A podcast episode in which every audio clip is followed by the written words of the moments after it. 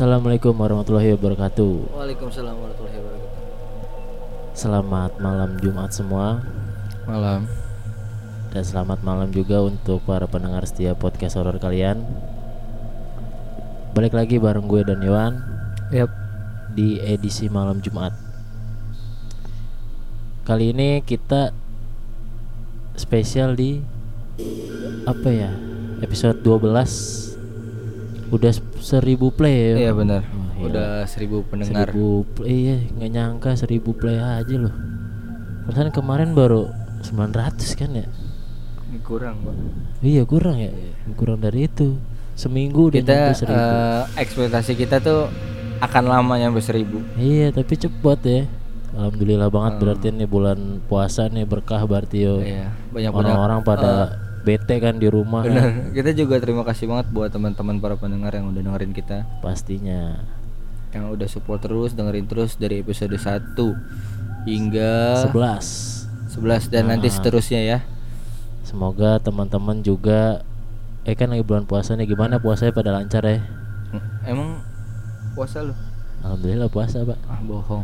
Iya, buat teman-teman yang puasa selamat menjalankan ibadah puasa pastinya dan terus puasa sampai ntar lebaran. Oh, lebaran nggak puasa? Iya, sampai lebaran, sampai malam takbiran gitu. Oh iya gitu. Eh, kemarin kita belum sempat bacain cerita dari teman-teman yang udah masuk tapi belum dibaca ya sama kita. Iya, Jadi malam ini kita bacain nih. Eh, karena ada request yang spesial dari Instagram nih DM Instagram jadi kita bacain satu dari Iya, Instagram Ini spesial seri- seribu play jadi kita durasinya agak lama dan ceritanya juga banyak kayaknya Iya, malam ini. walaupun biasanya lama karena ada narasumber kali ini enggak ya Ya betul. Oke jadi langsung masuk cerita pertama ya. oke cerita pertama langsung dibacain sama Gilang kayak biasa ya Siap. Assalamualaikum podcast horor kalian. Waalaikumsalam warahmatullahi wabarakatuh Salam kenal. Namaku Bila. halo Bila Tapi sebelumnya di sini aku mau ngasih tahu kalau aku bukan anak IndiHome. Weh, IndiHome. bye bye kabelnya putus banyak layangan Indigo maksudnya. Oh, iya gitu. Nah, aku nggak terbiasa lihat mereka dan aku orangnya nggak terlalu sensitif soal kayak gitu. Tapi di sini aku mau sharing aja tentang pengalaman aku. Jadi aku bakal ceritain tentang ngecamp waktu aku masih kelas 5 atau 6 SD gitu. Tempatnya di sekolah. oh perkemahan lagi Nah, ngecamp antar sekolah gitu deh pokoknya. oh beda beda sekolah Iya gitu? beda sekolah nih SMP. Dari awal kita datang sampai acara api unggun selesai itu nggak ada apa-apa. Cuma gangguan biasa aja menurut aku. Bunyi kresek-kresek antar pohon padahal nggak ada angin. Kalau aku nggak salah lihat juga ada kayak anak kecil lari-lari muterin api unggun dan api unggun yang membentuk kayak kepala manusia terbakar gitu. Dan kejadian yang paling serem menurut aku itu waktu subuh. Jadi semua peserta itu harus sholat di masjid dekat sekolah. Entah kenakalan dari mana, cuma kami bersepuluh, cewek semua, yang nggak pergi ke masjid. Jadi di sekolah yang seluas itu cuma ada kami doang. Panitia semua juga pergi ke masjid. Karena kami juga takut ketahuan, karena nggak sholat, akhirnya kami cuma diam di tenda dan nggak ada yang ngeluarin suara. Di tengah keheningan itu tiba-tiba di luar kayak ada orang rame muter-muter. Tendanya nggak terlalu tebal, jadi yang di luar itu masih kelihatan. Tapi nggak lama hilang. Di situ kami mulai takut. Nggak lama setelah itu ada lagi orang yang suaranya sih dari gerbang mau masuk ke dalam. Awalnya kita pikir udah pada siap sholat, tapi anehnya diperhatiin kok dia bolak-balik aja dari gerbang ke dalam, dari dalam ke gerbang. Di situ jiwa ketakutanku meronta-ronta. Aku coba alihkan pandangan aku ke tempat lain. Tapi aku malah lihat kayak pocong gitu di garasi sekolah. Aku nggak tahu yang lain lihat atau enggak ya. Di situ aku langsung tutup mata dan baca doa sebisa aku. Termasuk doa mau tidur. Saking takutnya. Jadi tapi untungnya nggak lama setelah itu satu persatu peserta balik dan akhirnya jadi rame. segitu aja cerita dari gue maaf kalau ceritanya nggak serem dan berantakan thank you udah dibacain podcast horror kalian Oke, terima kasih dari Bila ya. dari Bila Dia dia sebutin nama kota nggak sih? Enggak, SMP doang. SMP nggak disebutin juga sih. Ini tentang camp lagi nih. Kalau kata gua di situ yang paling janggal itu orang muter-muter. Ngapain muterin tenda? Iya, ngapain nih? Bener, gara-gara dia nggak sholat subuh sih. Kalau kalau bolak-balik bolak-balik yang nggak muter-muter ya. Iya. Bolak-balik masih bisa dibilang orang. Tapi kalau muter-muter, Terus tiba-tiba hilang. nah, siapa itu? Sedangkan cuma dia doang yang ada di situ 10 orang atau 10 cewek orang ya. semua. Terus nggak lama yang abis setelah orang itu muter-muter pagar ya yang pagar gerbang sekolah ya. gerbang sekolah tuh ada yang kayak orang mau siap-siap gitu deh rame pokoknya Hmm. tapi orangnya cuma Bolak-balik keluar juga. masuk Ah. doang iya nggak pergi-pergi gitu ini sekolahnya di mana ya kepo juga gue nih Bikin penasaran ya. iya Lagi, tapi terus habis dari situ dia baru melihat wujud yang Pocong. Eh, katanya di garasi sekolahnya tuh berarti ah, cukup luas halamannya. segede nih sekolahnya nih cuma nggak disebutin sih di mana Ah. Ya, Lain- ah, tapi thank you banget deh udah ngirimin dari siapa? Dari Bila Oke dari Bila. Nah, Makasih ya buat Bila. camp camp sekolah buat teman-teman yang yang nantinya kalau udah kelar covid nih terus mau ngecamp ya udah deh hati-hati aja Iya ngecamp kan biasanya malam tuh kan Banyak yang aneh-aneh nah, lah. ah, jurit malam lah semacam jurit malam Hmm. kayaknya oke next cerita selanjutnya yang dibacain sama Yohan Oke. Lanjut cerita kedua ya. Lanjut cerita kedua dibaca langsung oleh gua. Malam podcast horor kalian. Hai Kayoan, Kak Gilang, aku Sifwa. Si Sifwa, Sifwah Sifwa dari Bogor. Aku sebagai pecinta cerita horor, aku suka banget dengerin podcast kalian. Seru pembawaannya. thank you Terima kasih ya. Aku mau cerita, maaf kalau ceritanya berbelit, ini kisahku sendiri. Jadi dulu aku tinggal di Bangka. Aku dulu sering banget nginep di rumah nenek, apalagi semenjak tanteku tinggal di sana. Dulunya. Tapi malam itu aneh. Aku tidur di kamar nenekku. Tiba-tiba kebangun dan kedengeran jam teng teng tua yang bunyi dan nandain kalau malam itu udah jam 2 awalnya nggak ada perasaan takut karena ada suara adik sepupuku yang nangis dan tanteku yang terbangun membuatkannya susu dan musik yang diputar tiap malam dari HP tanteku tapi lama-lama lagu itu makin samar-samar suaranya dan jadi hening seketika Keadaannya dulu di sana itu listriknya selalu mati kalau sudah di atas jam 12 malam. Makanya saat itu keadaan rumah gelap gulita. Tak lama kemudian kedengaran suara roda-rodaan untuk anak bayi itu bunyi. Yang aku ingat roda-rodaan itu adanya di kamar depan dekat ruang tamu. Tapi roda-rodaan itu makin lama makin mendekat dan sampai depan kamar nenekku yang letaknya dekat dapur. Pintu kamar nenekku nggak pernah ditutup, hanya ditutup hordeng. Aku takut dan bangunin nenekku. Nenekku marah dan bilang suruh tidur. Aku nggak bisa gerak sambil lihat ke arah roda-roda itu. Aku baca doa dan ayat kursi. Bukannya selesai, tapi makin horor. Tak lama suara sendal dalam rumah nenekku bunyi seperti ada anak kecil yang baru bisa pakai sendal lari-lari keliling rumah dan bunyi suara kursi goyang dan bunyi suara kursi goyang nenek yang semakin lama semakin kencang. Aku waktu itu cuma bisa baca-baca doa sambil nangis. Itu terus-terus itu terus menerus nggak berhenti sampai kedengeran suara orang ngaji dari masjid. Mungkin segitu dulu kak ceritanya. Mohon maaf kak kalau ceritanya nggak serem dan kepanjangan. Salam horor. oke dari Sifwah Bogor Dari Sifwa ya. Jadi kejadian itu di Bangka. ini Bangka mana ya Bangka Belitung bukan sih nih Bangka ya Bangka tuh Bangka mana sih nggak tahu. Jadi dia nyebutin cuma Bangka Bangka. Iya. Jadi ini kejadian di rumah neneknya juga. Sama nenek nih. Masih ada kursi goyang loh. Iya, itu dia tuh ngeri juga ya. Kalau kursi goyang ya. eh, kursi goyang bunyi itu berarti kayak bunyi apa sih? Kayak bunyi gesekan kayu, decit kayu gitu ya. Iya, ya, cek. Ya, gimana dia? Lu liat kursi goyang malam-malam gerak, Gerak aja, aja. loh. Ini bunyi loh. Bunyi. Betul Terus- kan ada yang dudukin.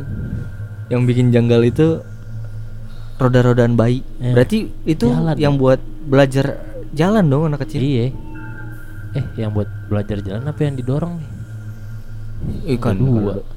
Mungkin kayak roda-rodaan yang Iya, buat tapi- anak bayi berarti kan yang buat dia belajar jalan. Iya, tapi tetap aja kalau jalan sendiri ya nggak masuk akal lah. Hmm. Malam-malam kan jam 2 Tahu-tahu nyamperin ke ini loh. kamar neneknya. ya. Ke depan kamar neneknya. ya? Iya. Terus neneknya malah marah, Marah, nyuruh dia iya. tidur. Berarti neneknya udah tahu. Tahu nih neneknya, iya bener. Neneknya udah sering berarti Sering gitu. Neneknya ngumpetin nih biar nggak Ah. takut. Habis dari situ nggak lama suara anak kecil kan tuh. Nah, lari-lari ya yang baru bisa pakai sendal. Lalu tahu Iya, masih ceplok-ceplok Iya, lah jalannya. begitu, ah, ah. Fix nih, ini udah setan bocil nih. Iya. Udah usil nih. Iya. Berarti eh, neneknya si Fuah ini emang nutupin, Nutupin. karena dia udah bisa diganggu mungkin ya. Iya mungkin karena nih si Boy ini biar nggak takut aja gitu kan. Hmm. Tapi di daerah Bangka jam 12 listrik udah mati ya. Serem juga. Serem juga. Dari Iya, jam 12 malam udah mati. Udah padam listriknya. Ah, ah. Jadi Bangka sih di daerah nih pasti kan. Hmm. Yaudah thank you Siva udah ngirimin ceritanya di sini dan kita udah bacain juga. Ya, udah nempatin janji ya. Nah, kayak dari Bangka kita Next cerita berikutnya dibacain sama Gilang. Ini ceritanya agak spesial ya. Ini cerita dari orang yang gua tunggu kayaknya. Yo, ih benar banget tuh. Hai semua, halo podcast horor kalian. Semoga masih ingat sama gue ya. Gue. N yang pernah kirim cerita ke sini juga sebelumnya.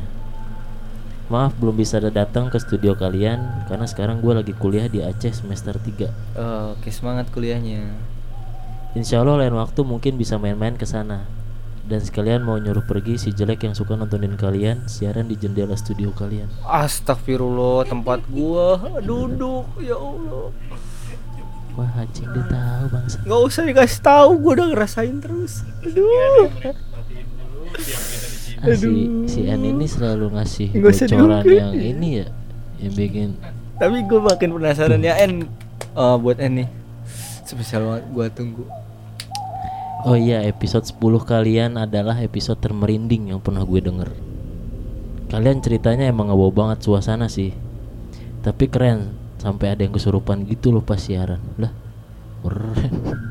Parah nih. nggak tahu aja kita panik ya Enggak sih lu aja yang panik gue enggak. Eh iya satu lagi mau nanya. Kalau boleh tahu kalian itu siaran berapa orang ya? Kok gue dengar suka ada suara yang ikut nimbrung gitu. Iya. Ah, sorry ya nanya-nanya mulu Bertiga bertiga. Aslinya bertiga. Bertiga ya. Itu jadi itu namanya tuh Rega. Dia tuh Ah. yang ngurusin sound tuh. Iya. Heeh.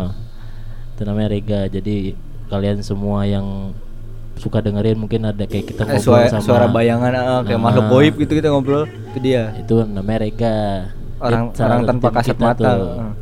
Jadi bantuin aja nih nah kalau misalnya dua orang ini buntu kan dia benar tuh Karena nggak mungkin juga ngobrol berdua iya ngobrol-ngobrol mulu ya Ah, Ngobrol berdua kayak homo Oke, lanjut nih ya. Tadi An udah udah salam Iya. pembuka tuh. Sekalian ngasih kejutan juga Tapi ke kita gini tuh loh ya. Sebelumnya seneng banget gue dengar kabar dari En Nggak tahu kenapa ya Jadi berarti dia tahu yo. Jadi kayak ada hal yang gue tunggu dari En gitu yang membuat gue penasaran. Enggak, tapi dia selalu ngasih kabar info yang menakutkan ya. Kayak kemarin ada yang nangis pertama di episode kita salah satu. Gara-gara kita omongin Nah. dia ngikut. Nah, sekarang di jendela dia tahu. Ya, Lu kan pernah ngomong sih ya cerita lu kalau siaran duduknya dekat jendela. Dia kan dia kan anak indigo cuy.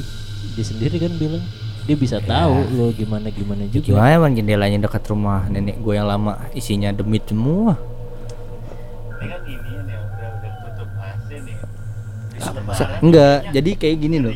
Gini, Ah, ah, gini En ya. Iya. Sekarang kan jendelanya udah ditutup ya. Benar. Singgah sana gue jadi ketutup nih. Nah, Sekarang sekarang eh, ada kemajuan lah studionya lah. Iya, udah ada jadi siaran ya sekarang sekarang, rapet. Nah mungkin abis lebaran dia ikut kalian nimbrung kali di dalam ah, ya. Nih bro ah ditutupin nih. ah seru nih dia ngomongin lagi julitin bangsa gue gitu. Aduh, en deh. kayak kita banyak ngobrol en kalau kali kalau kamu ke sini nih. Iya, semoga masih lama ya kuliah berapa tahun sih? Ya, Semester berapa sih? aku tunggu kedatangannya Deh, tuh tadi dari N lanjut nih ya. Masih dari N nih. Oh ya nih gue mau cerita tentang pengalaman gue lagi. Di mana ini adalah pengalaman gue sewaktu baru-baru datang ke Aceh buat kuliah. Sekitar tahun 2017 gue tinggal di dekat pesisir pantai gitu di sebuah kontrakan kecil bareng temen gue di sini. Kontrakan ini tuh sekitarnya masih ada bangunan-bangunan yang hancur bekas kejadian tsunami Aceh tahun 2004 silam. Jadi kejadian ini gue alamin pas bulan Desember tanggal 24 Malam itu sekitar tengah malam Ketika gue lagi tidur Gue berasa kok dari bawah kasur gue ada yang teriak-teriak gitu. Gue pikir suara orang dari luar yang bergema. Ya gue cuek aja. Tapi makin lama suara ini makin banyak. Yang minta tolong Dan bahkan gue dengar ada yang teriak-teriak Ada air datang Tolong, tolong. Asli gue merinding tuh saat itu. Dan refleks dong gue bangun. Gue bangunin temen gue Dia nggak bangun-bangun. Gue coba ngintip keluar jendela Dan ternyata sepi. Ya udah gue lanjut tidur lagi. Besok paginya gue cerita ke temen gue Kalau semalam gue dengar suara orang Rame banget minta tolong dari bawah kasur Kasur gue tuh semacam kasur lantai Atau biasa disebut karpet atau kasur Palembang dan alasnya cuma ubin. Nah, ini dia puncaknya.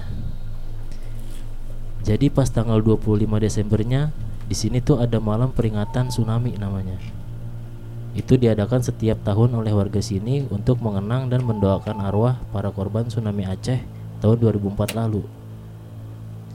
Acaranya selesai jam 10 malam. Dan ketika gue lagi santai sambil main HP di depan halaman kontrakan Sekitar jam 12 malam Karena teman gue lagi keluar cari makan dan belum pulang. Gue ngeliat dari kejauhan Ada orang rame banget Jalannya kayak zombie gitu. Semua pakai baju warna putih Dan bajunya tuh lusuh banget. Ada bekas lumpur-lumpur gitu di bajunya. Wajahnya ada yang pucat banget sampai berdarah-darah mereka semua jalan ke arah kontrakan gue dari pantai sambil ngucapin kata minta tolong. Asli gue baru ini takut sama yang kayak gitu karena jumlahnya banyak banget. Gue buru-buru masuk ke dalam dan kunci langsung selimutan. Sambil gue baca-baca surat pendek yang gue bisa sampai gue ketiduran. Besok paginya lagi gue langsung cerita ke temen gue soal kejadian semalam. Temen gue ini ternyata udah tahu dari warga sini katanya bilang tenang aja udah biasa di sini mah. Soalnya tempat yang sekarang kita tempatin ini kemungkinan di bawahnya masih ada jasad-jasad yang belum ke- diketemuin. Dan di bangunan-bangunan yang hancur di sekitar pun juga banyak jasad-jasad yang belum ditemuin di bawahnya. Makanya kalau mau tidur baca doa dulu biar nggak diganggu. Akhirnya gue sampai sekarang jadi biasa sama kejadian-kejadian yang ada di sini. Apalagi di setiap malam peringatan tsunami di sini. Segitu aja cerita dari gue. Al-Fatihah untuk para korban tsunami Aceh 26 Desember tahun 2004. Selamat malam Jumat. Salam horor. Oke. Gue agak merinding ya ngomongin itu ya. Ini tentang tsunami Aceh tahun 2004 nih. Berapa tahun sih berarti Kayak sekarang ya? Cukup lama ya. 10, su- apa ya? Berapa tahun ya? Lebih 15 ya? 16 ya? 17-an ya? Kurang lebih 16 segitu. 16 tahun lah. Jadi gue udah menduga sih sebelum dia nyebut tentang tsunami Aceh, gue ingat tanggalnya ya. Iya, tanggal 24 ya, berarti menjelang nih. Mm-mm. Ya ternyata tahun segitu, eh, tahun kemarin Dia nyebut juga si ini nyebut lokasinya kan Aceh, pinggir pantai. pinggir pantai, Terus iya. itu makhluk itu minta tolong. Enggak, pertama yang kita baca dari pertamanya yuk. Yang dia bilang lagi tidur, Heeh. dengar suara orang teriak minta Oh tolong. iya air datang. Terus di, ada yang teriak, tolong air datang, air datang. Ya apalagi kan kalau bukan Iya. ya, ya bekas yang tsunami dulu. Ya banyak lah namanya tsunami. Tsunami. Nggak terduga kan. Oh iya yang kerusuhan. Iya. Masih ada mm-mm, bekasnya ya. Bekas bayangan kejadian itu ya hari itu juga ya. Nah itu kan itu kan tanggal 24 nya Tanggal 25 malamnya Pas peringatan tsunami Setelah Dia acara ya. acara-acara tuh acara peringatan Dia dilihat orang dari pantai rame tuh Pada pakai baju putih Jalannya kayak zombie katanya kan Itu gimana ya lemas-lemas gitu Eh, capek lah namanya. Mungkin kan dia bilang juga bajunya agak lusuh Agak karena lusuh, lumpur karena ya. lumpur. Ya gimana ya Namanya orang kena sapu ombak Iya. gitu. dan temannya juga bilang kalau kata warga sini ya biasa ya udah biasa apalagi setiap malam peringatan itu jadi di rumahnya eh di kontrakannya si Ani ini kemungkinan masih ada jasad-jasad yang belum ditemuin Pasti apalagi dia bilang kan lokasinya nggak jauh dari pantai kan. iya Hmm. dan ternyata masih ada bangunan-bangunan bekas setelah 16 tahun loh ya berarti Hmm. bangunan di Aceh tuh belum semuanya Tuntas ya. Iya, Heeh. belum semuanya jadi bener lagi ya. Masih ada beberapa yang ini. Sampah kayak di pulau ya. Yang mana tuh? Kampung Pulo. Eh Kampung Pulo. Kampung Pulo mah Jakarta. Ini Ah, mana? harta banjir di itu. mana? mah. Yang Sulawesi. Yang mana sih gue lupa deh. Tsunami terakhir tuh. Oh, di Palu. Palu jadi pulau kan tuh. Ya. Halo. lu. Pulau Oh, udah Pulau, digusur ya lupa jadi tempat begituan. Iya. Dari Di Palu, ya. Sama tuh gue ter- eh, terakhir lihat di YouTube tentang orang yang indigo juga. Datang ke lokasi kejadian langsung. Katanya orang orang indigo itu nangis katanya. Jadi di situ masih banyak yang minta tolong, masih yang tertindih, belum iya, ketemu. belum ketemu gitu. ya. Iya namanya itu kan berapa itu tragedi kemanusiaan terbesar tuh di Oh, Indonesia. tanahnya juga bergerak juga kan di situ. Iya. Sampai sih gue yakin sih pasti belum semuanya orang yang ketemu Ya, itu. pastilah itu jutaan orang. Heeh. Setiap kejadian pasti ada Pasti ada bekasnya lah ibaratnya gitu. ya, kereta bintaro kereta gitu. Nah, ya benar. kayak kereta bintaro gitu kan? Ada aja. Ada aja kereta, kereta Bintaro hantunya kan ada kereta hantunya ada ya ini sekarang Aceh ada juga ya. Jadi- ada setiap kejadian ya. udah jadi tuh buat teman-teman yang tadi udah apa yang dengerin ini En minta doanya aja minta kiriman doa buat para arwah dan jasad-jasad yang belum ditemuin untuk korban tsunami Aceh tahun 2004 thank you buat En yang udah berbagi ceritanya di Sabang ya. Oh, berarti kita udah dapet nih daerah Sabang nih ceritanya nih ya. tinggal cerita di Merauke nih belum dapet nih. Thank you buat En oke. Ditunggu kedatangannya di sini. Nungguin banget loh gua. Untuk mengusir si Nggak. jelek yang ada di jendela gua sih nggak? ngapain ngusir. Kita ajak ngobrol aja di sini. Ya ya Pantesan hawa gua nggak enak ya duduk jendela mulu gitu ternyata ya. Yang Oke. peka banget gua. Next cerita selanjutnya nih. Oke. Lanjut cerita berikutnya. Langsung dibaca nama gua. Halo semuanya, halo podcast horor kalian dan tim. Halo. Kenalin, saya Yaya, umur 17 tahun. Di sini mau berbagi cerita, berbagi cerita tentang pengalaman horor saya. Awalnya sejak saya menjadi pengurus suatu organisasi di sekolah, banyak cerita yang menurut menurut saya mencekam setiap ada acara menginap di sekolah. Pertama kali ngadain acara nginap di sekolah, teman-teman saya banyak yang lihat sesuatu. Dan adik kelas saya enam orang kesurupan. Di situ posisi saya dan teman seangkatan sebagai senior cuma ada tiga lelaki di antara kami. Sisanya perempuan. Dan ngadepin situasi mencekam itu, awalnya adik kelas saya ketika yang lain sholat maghrib, dia kesurupan. dia nangis terus menerus. Di situ kebetulan saya ikut nenangin di pinggir telinga kirinya. Tiba-tiba dia nengok ke arah kiri, arah saya, sambil ketawa. Di situ kami, oh, sorry. Tiba-tiba dia nengok ke arah kiri, arah saya, sambil ketawa. Di situ kami senior pacar kacir, lari dan langsung dimarahin senior saya yang kelas 3. Kemudian teman saya ngeliat orang tanpa kepala di SMP sebelah. Di situ dia nangis nggak henti-henti. Belum lagi temanku, lihat perempuan duduk di kursi bekas di pinggir lapangan dan lagi-lagi nangis ketakutan. Personil kita makin dikit, tapi kita harus menyelesaikan proker program kerja saat itu juga. Kami ke koridor langsung dan ketika renungan, adik kelas saya dua orang langsung serupan. Paniklah. Langsung di situ belum lagi paginya teman aku yang lain bilang dia kayak lihat kuyang pas di luar koridor Anjing goyang. karena emang ada yang ditugasin di luar koridor. Pokoknya di situ pengalaman pertama kali kami sebagai pengurus mencekam, bahkan nggak bisa tidur sama sekali. Belum lagi kita ngadain hiking malam, di mana jam 2 malam harus bangunin junior kami. Belum apa-apa, junior kami udah ada yang kesurupan lagi. Belum lagi di pos 2, tepatnya di lorong sekolah. Teman saya senior, aku ngeliat jendela kelas gerak sendiri disusul wangi melati. Dan ketika dokumentasi ada yang ikut di atas entah dia kayaknya kunti. Fotonya lupa aku save.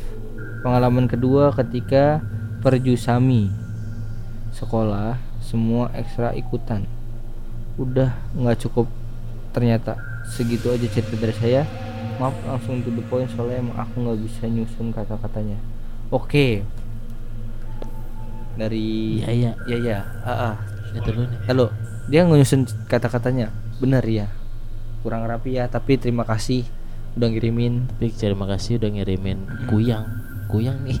Kalau kalau kalau ya? yang organ dalam tubuh Wah anjing. Ada loh. Mau kira nggak ada. Kalimantan Kalimantan berarti ini di sana nih. Di sana nggak sih ya? kurang tahu lokasinya dia nggak Oh, nggak ada. Kuyang anjing. Ini dia kayak ada organisasi sekolah ya. Iya. Terus ini di sekolah banyak yang kesurupan. Surupan mulu loh ini se- selama acara nih.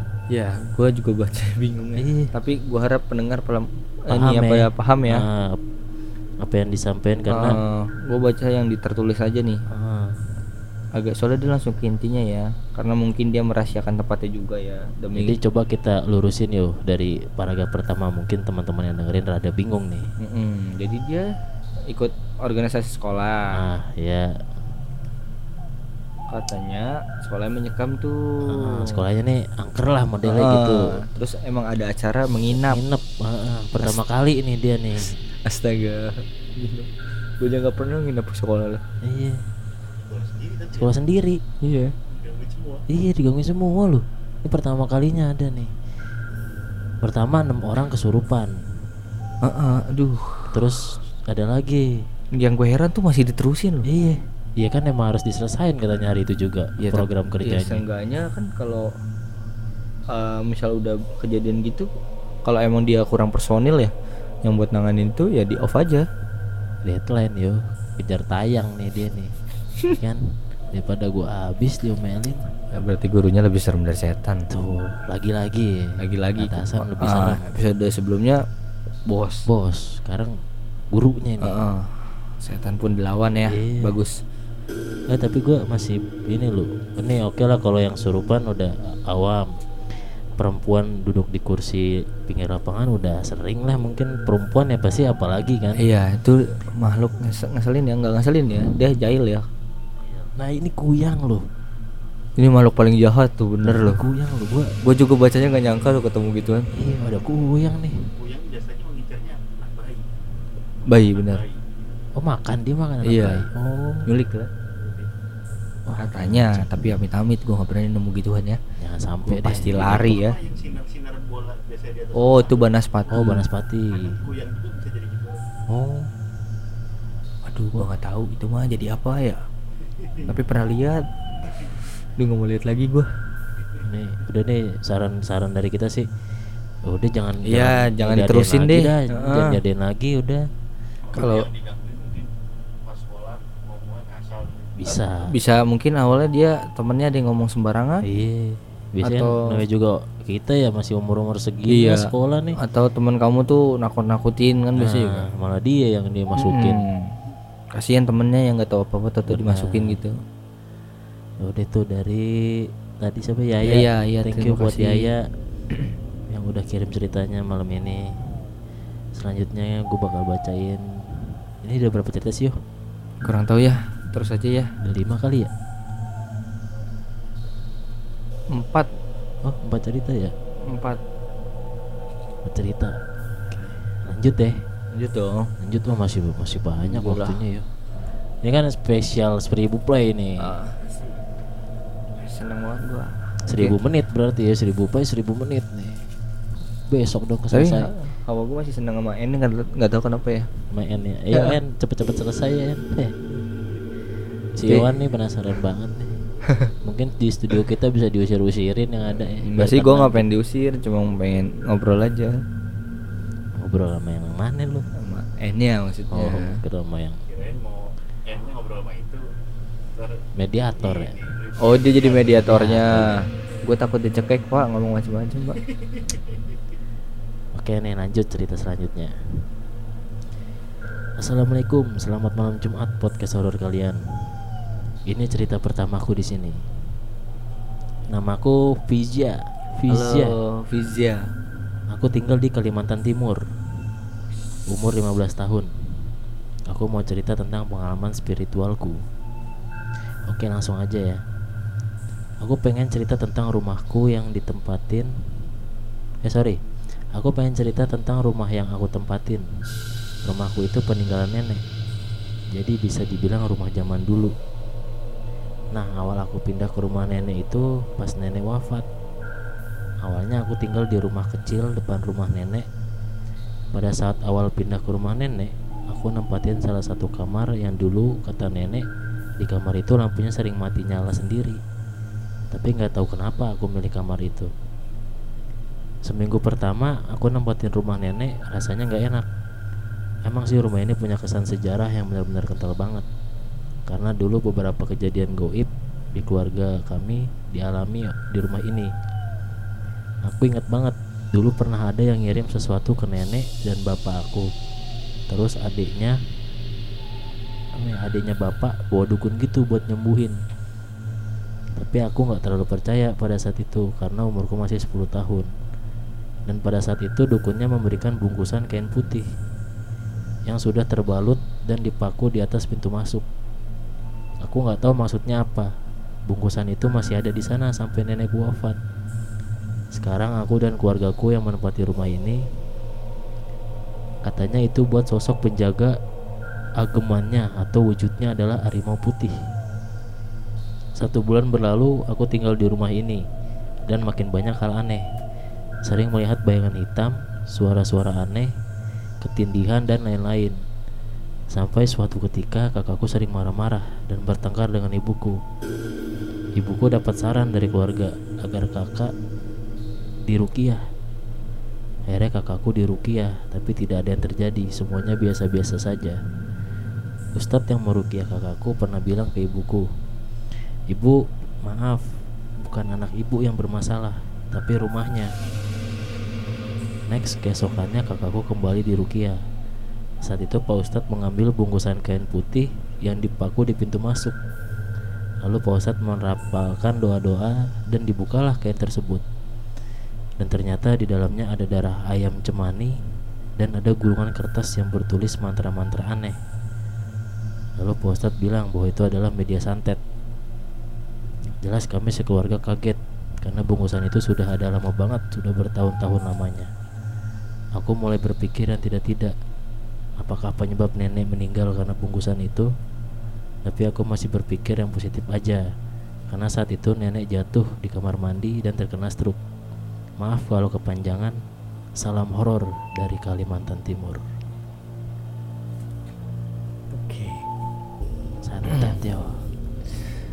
Cerita dari Vizia. Jadi Rumah nenek lagi ya. Ah, ah, rumah nenek ya. Emang rumah nenek itu rumah nenek gue juga sama loh. Iya, Nanti sih rumah nenek kayaknya creepy banget suasananya. Yang namanya rumah zaman dulu. Iya, zaman dulu ya. Kepre- banyak kepercayaan. Kejadiannya juga di Kalimantan, Kalimantan ya. nih. Masih kental sampai sekarang loh. Kalimantan Timur loh. Sampai sekarang zaman kalau di, bisa dibilang kan zaman modern, tapi gue percaya emang di sana masih kental sampai sekarang. Jadi Kalau masalah spiritual kayak gitu. Dia nih ditaruh apa? Ah, ini Nah, itu siapa ya? yang dukun katanya dukun, Dukun, itu. dukun. Waktu bapaknya sama neneknya kemasuk apa? Kena kiriman ya? Mm-mm. Ah. Jadi kayak penangkal modelnya. tapi pas sudah di dia malah mau Iya, Pak Ustadz bilang. Iya, itu media santetnya. Oh, jangan dukunnya nyari tumbal. Jadi itu adanya bapak ya, adanya bapaknya si Viza yang bawa dukun itu. Adiknya bapaknya, ya, jatuhnya omnya Pizza. ah, omnya tapi Pizza. keluarganya Viza pas kakaknya marah-marah itu manggilnya Ustadz. Ustad di Rukia. Mm-mm. Pas Jadi- di Rukia katanya bukan kakaknya, tapi rumahnya yang bermasalah nih. Mm-mm. Pas dibuka, pas dicari itu dicabut kain putih depan pintu. Ternyata isinya darah ayah darah darah ayam cemani. Mm-mm. Sama apa tadi ya? Sama Paku. Apa aku ya? Paku kan sih, bener ya? Aku mau tahu gue coba dulu. Iya bener. Sama Paku kan? Hah. Ya, jadi itu emang media santet ya. gulungan kertas dan mantra-mantra Oh, aneh. bukan bukan Paku ya. Ah, Ah. Kata dukun itu eh, penangkal ya. Penangkal, tapi Cuma ternyata itu media santet. eh, itu media santet. Iya, bisa. Ilmu hitam bisa. Tahu gua ilmunya sama, bacanya sama Arab. Cuma menjurusnya salah, beda arah gitu. beda. aja. Iya. Cuma nggak tahu lah. Tapi ya buat teman-teman yang coba di rumah-rumahnya kali ada gantungan-gantungan aneh gitu. Iya, kalau orang zaman dulu ada Ah, loh. coba, ada loh. coba. Nenek gua dulu ada loh gitu. Coba cek depan rumah kalian nih. Ada. Ada nggak?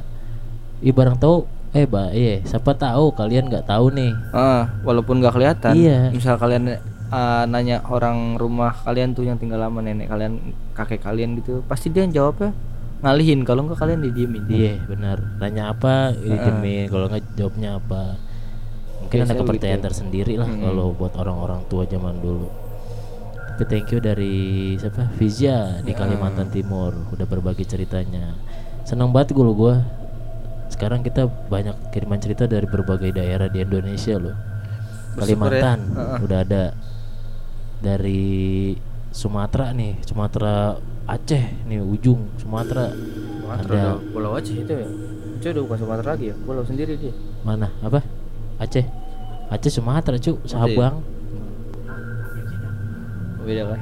provinsi Aceh tinggal dari Merauke nih dari Papua belum ada ceritanya nih Semoga ya pendengar dari sana ya. ah, kali ada kiriman cerita dari sana pasti ada lah Pasti ya ada, mungkin nggak ada. ada. Eh dari Bali udah ada belum sih dari Bali Bali belum ya kalau teman gua dia nanya nih katanya orang Bali nih dia pengen banget ada cerita dari Bali Gue tunggu itu cerita tentang layak ya. iya leak ya serem tuh leak tuh Ah, kan malu. buat yang teman-teman pasukan horor nih yang tinggal di Bali coba kirimin ceritanya ke kita biar kita bacain Mm-mm. Oke, oke next cerita selanjutnya cerita terakhir ya. Oke sekaligus Untuk- cerita terakhir nih Menutup episode kali ini. udah enam cerita berarti kita bawain nih Ah, semoga bener 6 ya nggak salah hitungan ya, kalau salah selain Gilang aja. iya jangan dong Oke, langsung aja cerita bacain ya. terakhir agak singkat. Ah, ceritanya singkat padat ya. Nggak tahu sih belum gue baca juga, cuma karena ini tulisannya sedikit. kecil ya tulisan kita Ah, ya Oke. Hai, perkenalkan aku Caca. Nama samaran. Umur 16 tahun, asal kota Tegal. tuh kan beda wilayah lagi sekarang Tegal halo Caca Tegal Di sini aku mau cerita tentang kejadian minggu kemarin yang dialami keluargaku. baru nih Minggu kemarin. masih seger nih Jadi gini, minggu kemarin tepat mau bulan puasa dan bertepatan juga malam Jumat Kliwon. ya itu Pas penutupan. 10 nih. Iya. jangan lagi dengerin episode 9 nih next Bapak aku begadang sampai sahur. Posisi bapak aku lagi nonton TV deket dapur. Pas bapak aku mau ke kamar mandi, bapak aku dengar lemparan batu dari pintu depan. Bapak aku langsung lari ke depan ngecek siapa. Ta- takut ada tamu, ternyata pas keluar nggak ada apa-apa. Pas bapak aku masih di luar, bapak aku dengar lagi lemparan batu dari belakang rumah. Dan bapak langsung lari ke belakang dan masih tetap sama. Zong nggak ada apa-apa. Ketika bapak aku mau masuk rumah ada bayangan hitam lari kencang banget depan bapak aku. Bapak aku cuma melongo diem di tempat karena kaget. Karena bapak aku penakut akhirnya bapak aku memutuskan untuk tidur.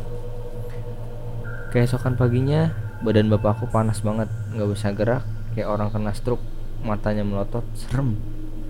Yap karena kerasukan. Tapi anehnya bapak aku cuma diem dan melotot nggak teriak-teriak gitu. Dan adik aku pun juga sama badannya panas kakinya nggak bisa digerakin.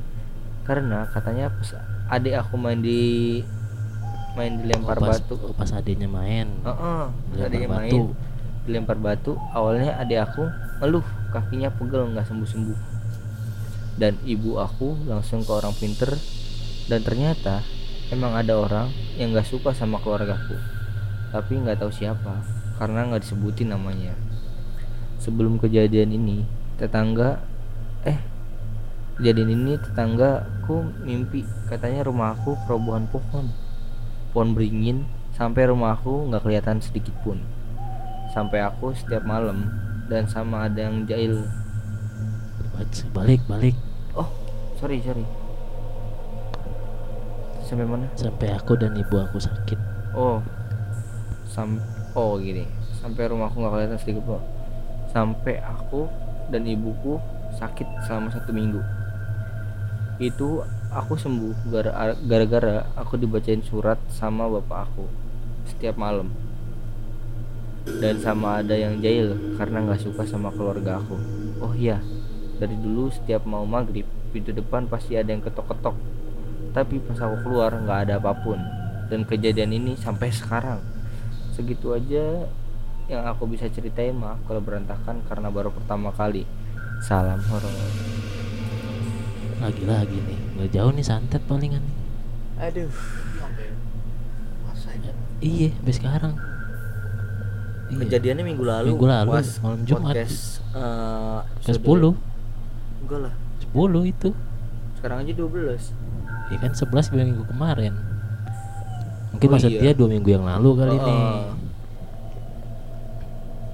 malam Jumat Kliwon ini ya kenapa sih banyak orang sirik gitu terus santet-santet orang ya? Iya dari tadi loh ya ini udah dua kali cerita. Eh temanya santet loh. Ya mungkin karena dia pengusaha kali ini. Tapi orang yang mampu kan. Nggak- seneng saingan mungkin bisnis. ini ya kalau santet juga bisa gara-gara ini ya apa namanya? Orang lebih baik hati ya. Iya kan kalau orang nggak seneng sama seseorang itu apa aja? Hal yang dilakuin tuh pasti Dilakuin dibenci. benar-benar. Maupun se apa ya, se, semacam media media santet dilakuin aja pasti. Hmm. yang penting yang orang yang gak disenenginnya ini ya sakit aja oh, gitu. kalau nggak sakit celaka lah gitu celaka lah pokoknya. Ya bahkan kalau bisa ya sampai mati kali bisa. Hmm. jauh-jauh deh sama yang gitu gitu deh. Iya jadi sama orang-orang yang sirik deh Ah. semoga aja kita nggak ada ya weh semoga ya buat podcast kita nggak ada yang sirikin nih ngerinya. Ada Iya. gimana nih? Ya apa terusan mereka lah yang kita. Yang penting kan Iya. kita nggak sirik sama siapa lah. Bener-bener tapi kalau jangan sampai ada kalau ada kalau ada ya lu aja lah yuk gitu. Amit amit nauzubillah jelek amit amit orang sinting lo tolol. Gila lu ya lu aja lah. Ya jangan lah suku gue ya. ya udah rega. Iya. Tuh dari siapa? Caca dari Tegal Ah, ah, thank you Caca itu nama samaran ya nama samaran Caca Iya. paling namanya Ica Iya, kalau enggak Nah. Risa. Iya, pokoknya siapa aja lah yang namanya Sa belakangnya panggilnya Ca. Iya. Kenapa jadi tebak-tebakan ya? Iya. Eh, next tuh cerita eh next Enggak. udah ya. Malam Oke, ini untuk mempersingkat waktu ya. 12 episode ke-12 6 cerita. Lumayan lama nih. 40 eh berapa ya? Lebih kali ya.